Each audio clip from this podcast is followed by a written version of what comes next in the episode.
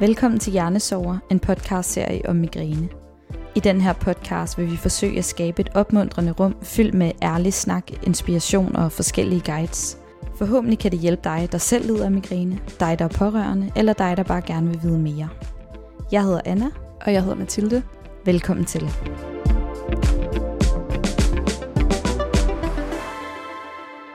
I det her afsnit kommer vi til at gennemgå alle de praktikaliteter, der følger med, når man har migræne. Der er derfor tre trin i det her afsnit. Først og fremmest taler vi om behandlinger, dernæst taler vi om hjælpemidler og rettigheder, og til sidst runder vi af med at tale om fællesskaber og støtte. Helt overordnet set, så tager vi altså en migrænerejse fra A til Z, så du kan skabe de bedst mulige vilkår for dig selv og dit hoved. Anna, jeg kunne forestille mig, at migræne det er noget af en jungle at finde rundt i. Især hvis man ikke har haft migræne så lang tid. Og det første trin i det her afsnit, det er jo behandlinger. Øhm, og jeg tænker, at vi skal starte fra ground zero i et migræneforløb. Så hvis jeg nu vågner en morgen med migræne, hvad er så det første, jeg skal gøre? Jamen, hvis du en morgen vågner med migræne, så er mit første og vigtigste råd egentlig, at du tager det alvorligt og opsøger noget hjælp. Øhm, og særligt hvis det er noget, du oplever gentagende gange. Jeg synes, man skal tage kontakt til sin læge og få en henvisning til en neurolog. Din læge vil ofte have en liste med forskellige neurologer, som man så ligesom kan tage kontakt til. Fordi neurologer er eksperter på området, og de har ligesom mulighed for at kunne stille en en diagnose, og det er også dem, der har mulighed for at udskrive det rette medicin til en. Jeg vil også tilføje, at hvis migrænen bliver værre, og man måske ikke føler, at man kan få nok hjælp gennem sin egen neurolog, så simpelthen at blive skrevet op på venteliste til et af landets hovedpinecentre. Alt efter hvor man lige bor henne, så kan man undersøge, hvad der giver mest mening. Og et tip her er, at man ringer og bliver skrevet på deres afbudsliste, så man ligesom øger sin chance for at få en tid hurtigere, fordi der er desværre rigtig lange ventelister. Jeg ved, at nogen har ventet op til halvandet år med simpelthen at få en tid, så simpelthen at blive skrevet på en øhm, afbudsliste, det var sådan, jeg øh, hurtigere kom til i hvert fald. Ja. Okay, men hvad er et hovedpinecenter helt præcist? Jamen, det er et center med højt specialiseret fagpersonale, der behandler patienter med en svær hovedpinesygdom. Det kan jo så både være Hortons hovedpine, okay. svær hovedpine, migræne. Og her har man så mulighed for at afprøve forskellige former for medicin, og det kan både være anfaldsmedicin og forebyggende medicin.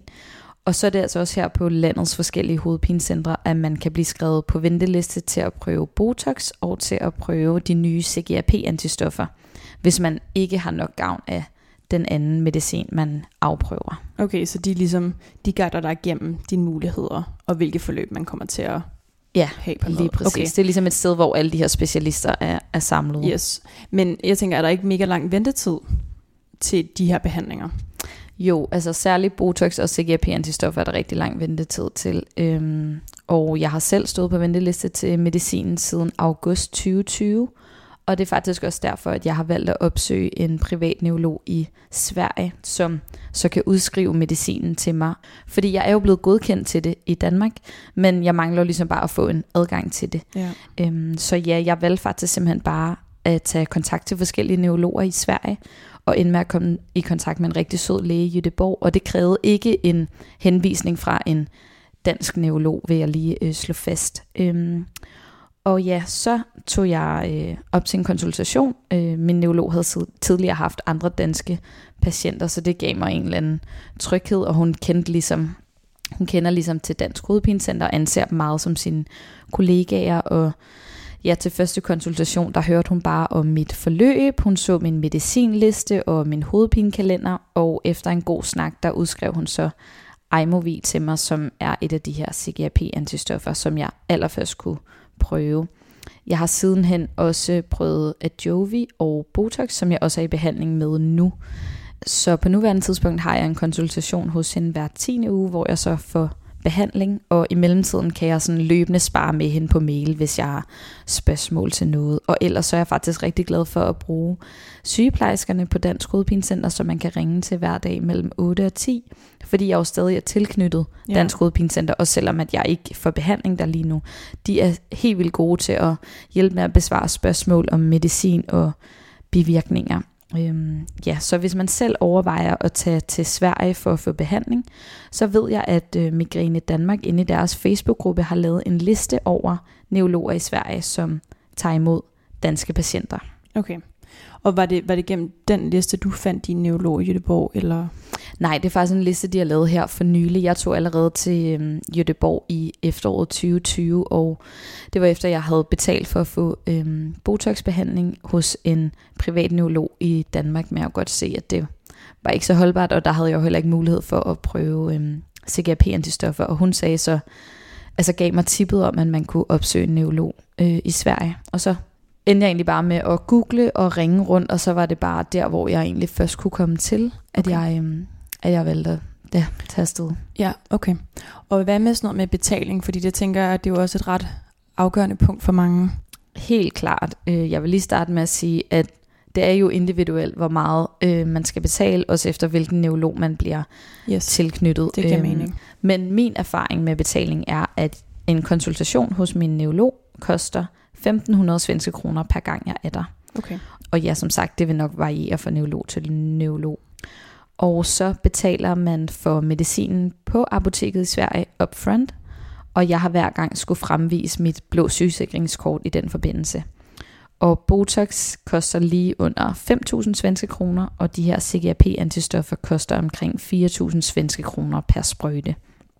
Og dem får jeg så med hjem i en øh, køletaske, for de skal opbevares på køl, og så kan jeg lægge dem i mit køleskab, så jeg ligesom løbende kan tanke op i Sverige. Ja, okay.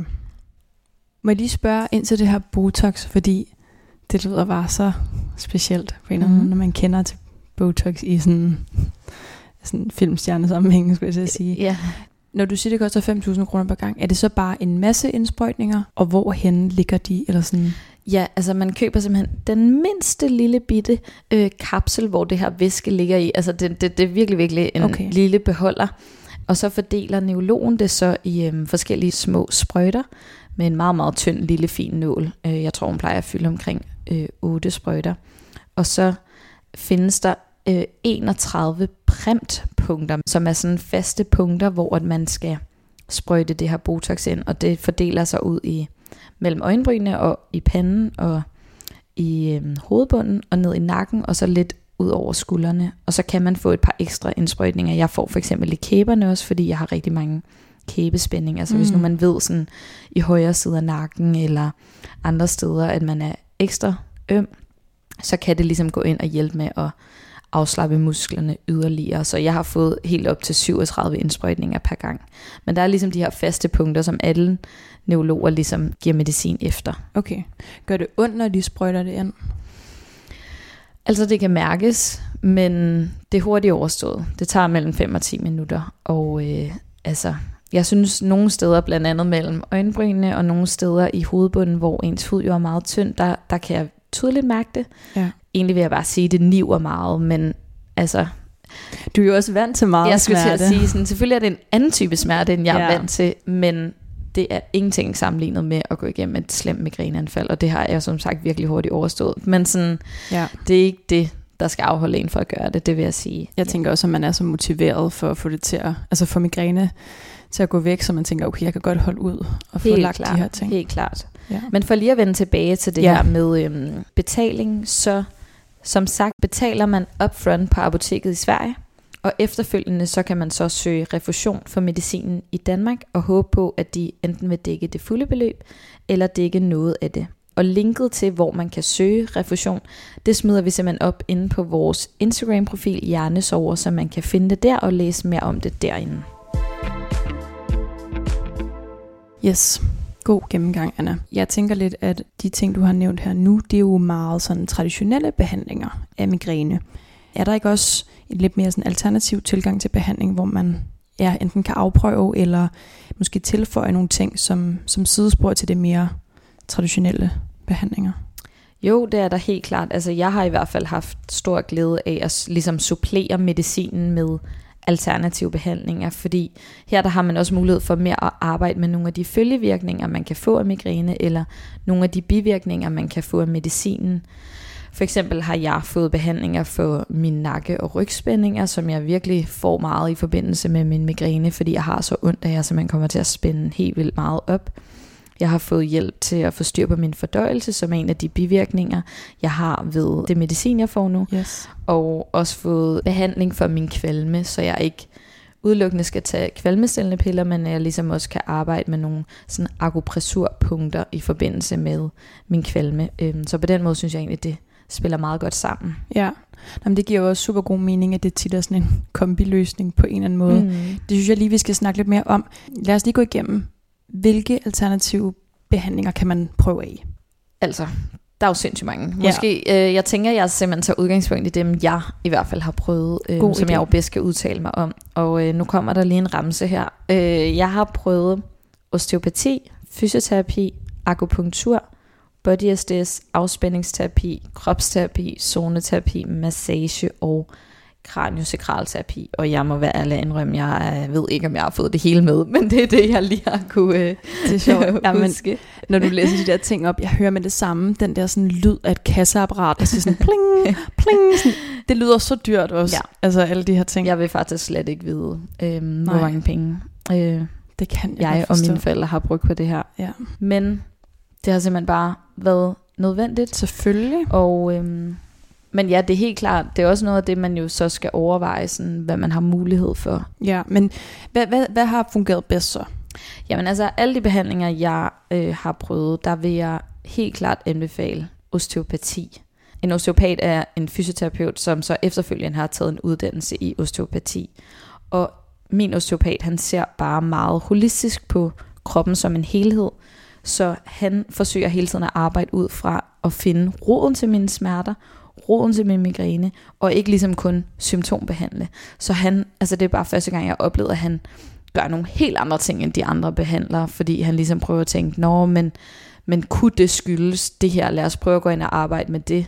Og det er bare noget af det, jeg synes har virket allerbedst. Og ellers så synes jeg, at øhm, body SDS og fysioterapi er noget, jeg også gerne vil slå et slag for, fordi de er også rigtig gode til at ja, virkelig gå ind og arbejde med kroppen, og de er gode til at give en nogle øvelser med hjem, så man ligesom også selv derhjemme kan arbejde med nogle af de her ting, og ikke kun ligesom ja, rykke på noget, når man er til behandlingen. Ja, og, og føle, at man gør noget selv vel også. Ja, helt klart, helt klart. Og fysioterapi kan man jo så også ofte få noget støtte til. Man kan eventuelt få en henvisning fra sin læge. Ja. Ja. Jeg synes, det, jeg synes, det er rigtig fint, at du deler dine erfaringer, selvom det kan være meget personligt, hvad der fungerer. Og jeg tænker også, at det kan være ret overvældende altid at få øh, råd og anbefalinger til mm. forskellige behandlinger. Det har jeg i hvert fald virkelig synes. Altså jeg ved, det jo altid kommer fra et godt sted, men og jeg har nogle gange lidt sådan en oplevelse af, at jo flere råd man får, og sådan noget, jo, jo flere ting er der, man kan tage fat på, jo mere overvældende er det, som du også siger, og jo flere steder er det på en måde også, at man kan fejle, fordi det også er sindssygt hårdt hver gang en behandling ikke virker, når man er sådan, okay, men der er 15 mennesker, der har sagt, at det her bare er det, der har ændret deres liv, og det hjælper overhovedet ikke på mig. Så det er jo vanvittigt individuelt, men man finder jo også kun ud af det ved at prøve det. Så ja, jeg tror, at det er virkelig vigtigt, at man bare tager det her som mine anbefalinger, mine råd, og så ligesom ser, om man har lyst til at prøve noget af det. Og hvis man er nysgerrig på at vide mere om de behandlinger, jeg har fået, så har jeg inde på vores Instagram-profil lavet et fastlåst højdepunkt, hvor jeg ligesom sætter lidt flere ord på de forskellige behandlinger, jeg har prøvet, eller som man også altid velkommen til at skrive til mig. Så vil jeg også lige tilføje, at jeg har benyttet mig af flere tilbud ude på Dansk Hovedpinecenter i Glostrup, hvor jeg er tilknyttet. De tilbyder både individuelle psykologforløb, de tilbyder gruppeforløb med en psykolog, som vi også berørte i sidste afsnit. Øh, de har nogle afspændingshold og øh, fysioterapeuter, man kan blive tilknyttet, og så laver de også nogle webinarer om migræne for både patienter og pårørende. Så hvis man er tilknyttet ude i Glostrup, så kan man jo prøve at se, at man kan blive skrevet op til at få en af de her tilbud. Og ellers så, hvis man er tilknyttet et af de andre hovedpinecenter, så vil jeg da bare ringe og høre, om det også er noget, de tilbyder. Det kunne jeg forestille mig, de gør. God opbremsning. Og rigtig fint, at du lige sætter ord på, øh, hvor individuelt det er. Mm. Jeg synes, vi skal bevæge os over i næste trin nu, som er hjælpemidler og rettigheder. Når man har godt i gang i enten et eller flere behandlingsforløb, så giver det jo rigtig god mening at kigge på, hvilke hjælpemidler og rettigheder øh, man ligesom har som patient, så man kan prøve at opretholde et så almindeligt liv som muligt på trods af sin sygdom. Så jeg synes, vi skal snakke lidt om, øh, hvordan man bedst muligt passer på sit studie eller sit arbejde, og hvilke konstellationer der findes for at hjælpe dem, som der er ramt af kronisk øh, sygdom. Så Anna, vil du ikke lige gøre os lidt klogere på, hvilke rettigheder og hvilke hjælpemidler man har som migræneramt? Jo, selvfølgelig. Altså, jeg har jo undersøgt det meget i forbindelse med mit eget forløb, og i forbindelse med, at vi skulle lave det her afsnit, og har skrevet en hel masse ned, så jeg beklager på forhånd, hvis det bliver lidt ja. oplæst, men jeg kan simpelthen ikke huske det hele i hovedet. Det gør du bare. Øhm, men med udgangspunkt i min egen situation, så er jeg også studerende, og derfor synes jeg, det giver mening at starte med at tale om handicaptillæg, hvilket jeg ret sent fandt ud af, at man kan søge om. Og det kan man, hvis man læser på en videregående uddannelse eller en dansk erhvervsuddannelse, og man har en langvarig fysisk eller psykisk funktionsnedsættelse, der simpelthen nærmest gør en ud af stand til at have et studiejob ved siden af ens studie. Og her der skal man bruge en udtalelse fra sin neurolog i sin ansøgning, i det her tilfælde, hvis jeg skulle søge i forbindelse med min migræne. Og det er så ud fra den, at SU-styrelsen vurderer, om ens funktionsnedsættelse er så markant, at man kan få øh, et tilskud. Så det er noget, man skal søge gennem su.dk. Og øh, handicaptillæg betyder simpelthen, at man ja får en ekstra ydelse øh, oven i sin SU, som så kan dække over, at man ikke er i stand til at have et studiejob. Det er jo virkelig godt, at den mulighed findes. Man ja, siger. det er helt fantastisk. Og ret sent fandt jeg ud af, at der også er nogle andre hjælpemidler, man kan få i forbindelse med sit studie eller sit arbejde. Jeg ved, at der er nogen, der har fået hævesænkebord, nogen, der har fået en særlig kontorstol. Jeg har selv for nylig fået tildelt nogle ørepropper og nogle skærmbriller. De her ørepropper, det er nogle, der ligesom er øh, speciallavet og afstøbt til præcis mit øre, så det, jeg virkelig kan lukke lyd ud, så når jeg for eksempel sidder på mit studie eller arbejde, jeg simpelthen kan blive mindre forstyrret, og skærmbriller er også bare lavet til, at jeg kan slappe lidt mere af, når jeg kigger på skærm, fordi det er bare med til at fodre min hovedpine. Så det er ligesom inde under en handicapordning, og det er også noget, man kan ja, tale med sin studievejleder om, for eksempel. Øhm, jeg fik det gennem kommunen i forbindelse med, at jeg skulle i virksomhedspraktik. Yes, rigtig fint.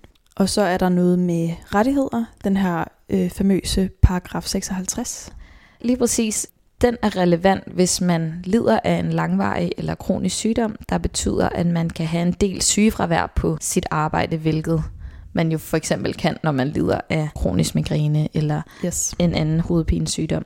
Øhm, så her har man mulighed for at få lavet en aftale, der nedsætter ens arbejdsgivers udgifter i forbindelse med ens sygefravær, så ens arbejdsgiver kan få sygedagpengerefusion fra ens allerførste fraværsdag.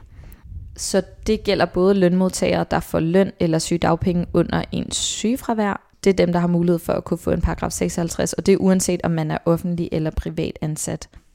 Det er kommunen, der i sidste ende går ind og godkender den her paragraf 56 aftale. Og det er jo som sagt en aftale, der indgås mellem dig og din arbejdsgiver, og I skal sammen udfylde en blanket, der hedder DP 211.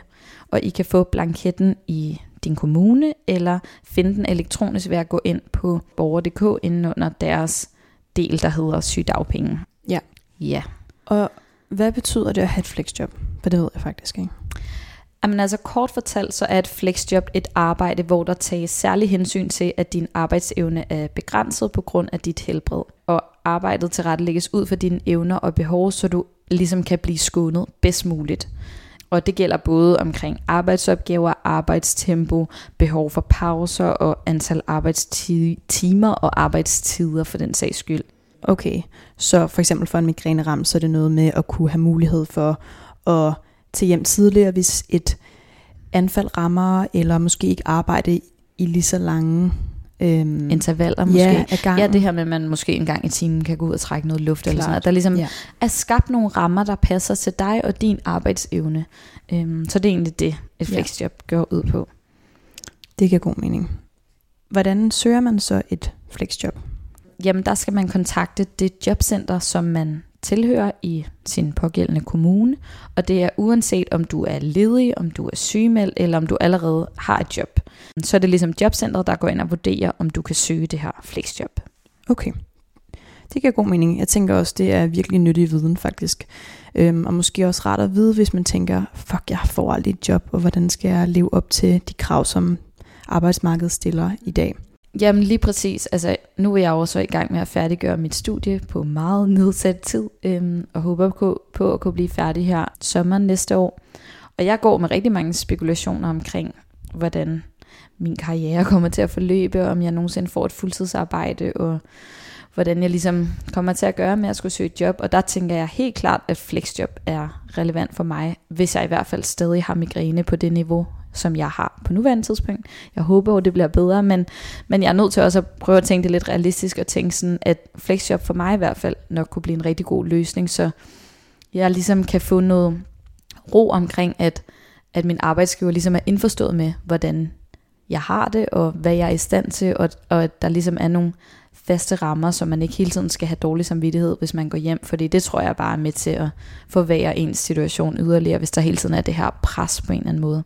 Så, så ja, formentlig er det i hvert fald noget, jeg også selv skal, skal kaste mig ud i på et tidspunkt. Jeg er jo bare glad for, at, at den her mulighed findes. Selvfølgelig. Øhm, til ligesom at hjælpe os, som er hårdt ramt. Ja, og jer, der har brug for noget elasticitet i arbejdslivet på en eller anden måde, som ja, man måske normalt ikke tænker er muligt. Lige præcis. Altså den praktikplads, jeg er på nu, der har jeg også bare rammer til ligesom at kunne møde ind de dage, der passer mig, blive hjemme de dage, der passer mig, arbejde hjemmefra, gå efter en halv time, hvis jeg får migræne. Altså der er, der er slet ikke noget sådan dårlig samvittighed, og det letter mig bare så meget. Det gør, at det er meget nemmere for mig at kunne være til stede, så det er bare, det er helt vildt vigtigt, og jeg tror også, det er rigtig vigtigt at understrege, at hvis man er i en situation, hvor man er virkelig, virkelig hårdt ramt, og man sidder sådan og holder det inde, og det går ud over hele ens privatliv, for eksempel at man kommer hjem og intet kan. Altså sådan, det er ikke et nederlag at, at få den her hjælp. Altså jeg vil virkelig, man skal, man skal virkelig hjælpe sig selv til at skabe de bedst mulige rammer, fordi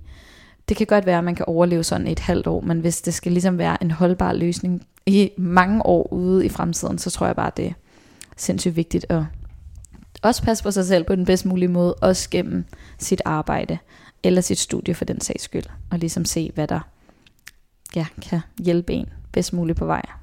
Absolut.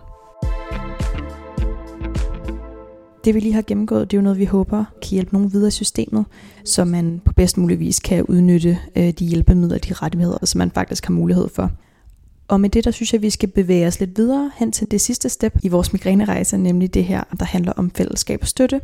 For det handler jo netop om at være en del af noget, når man har migræne inde på livet. Så jeg synes, Anna, kan du ikke lidt fortælle om dine erfaringer inden for det her?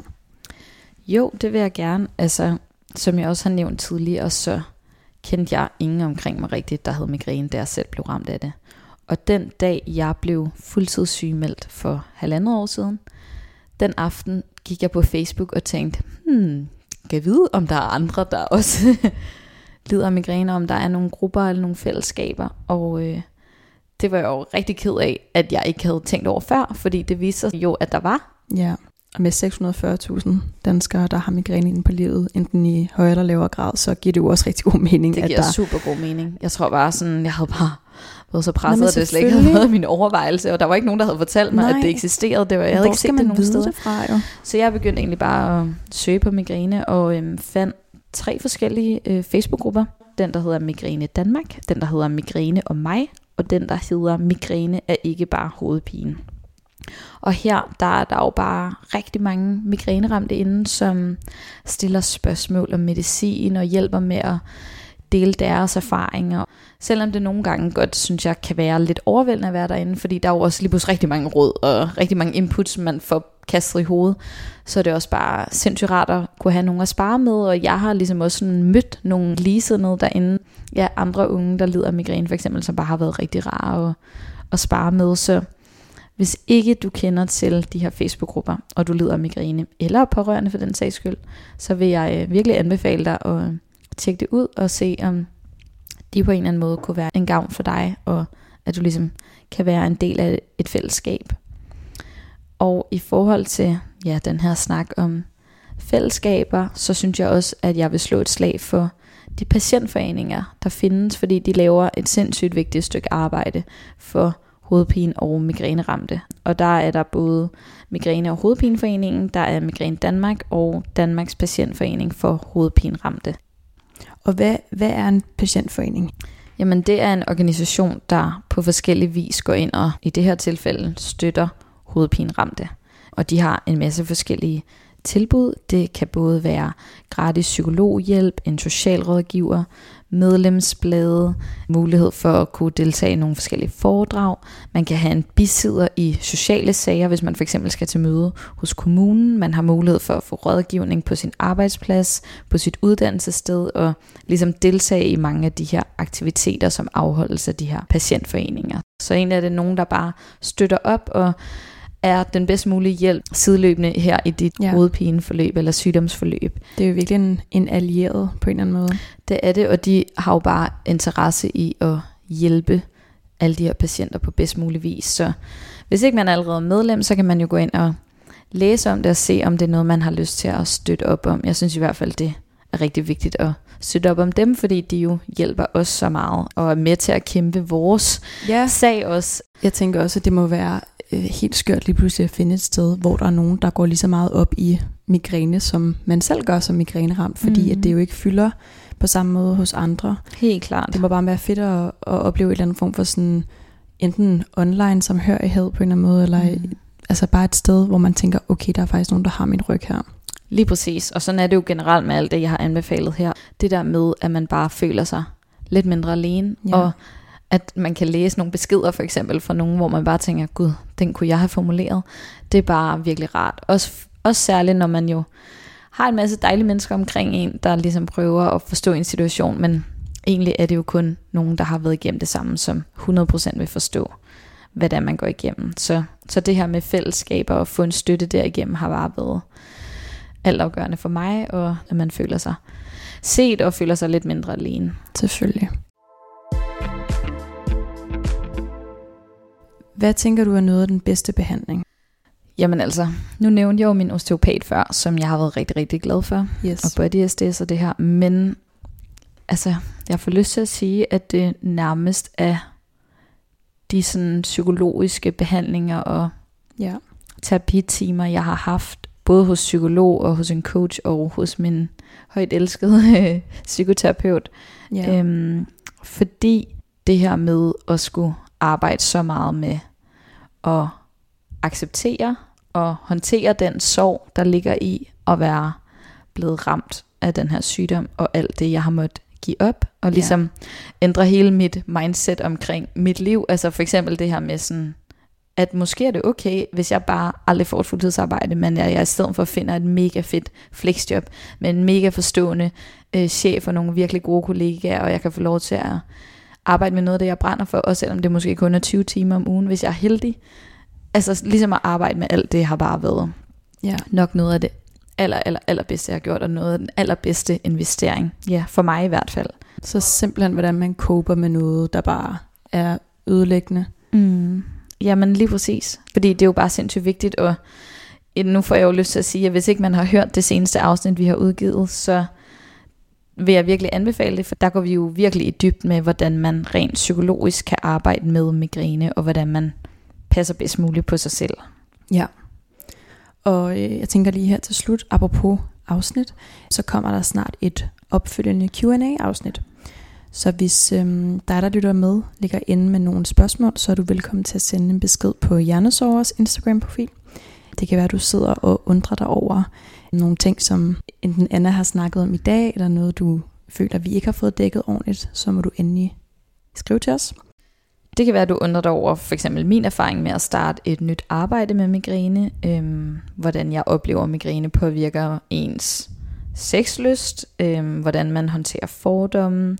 Om man ligesom har oplevet for eksempel at miste venner på grund af migrænen. Altså det kan være alle mulige forskellige ting. Bare øh, fyr løs derinde, ja. så, øh, så kigger vi på det. det gør vi nemlig.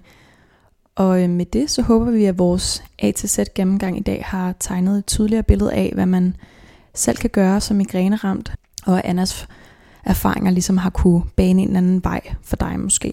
Tak for i dag, og vi lyttes ved. Du har lyttet til Hjernesover. Mit navn er Anna. Og jeg hedder Mathilde. Husk, at du kan finde flere udsendelser af podcasten i din foretrukne podcast-app, og du kan deltage i samtalen om migræne inde på vores Instagram-konto Hjernesover. Tusind tak, fordi du lytter med.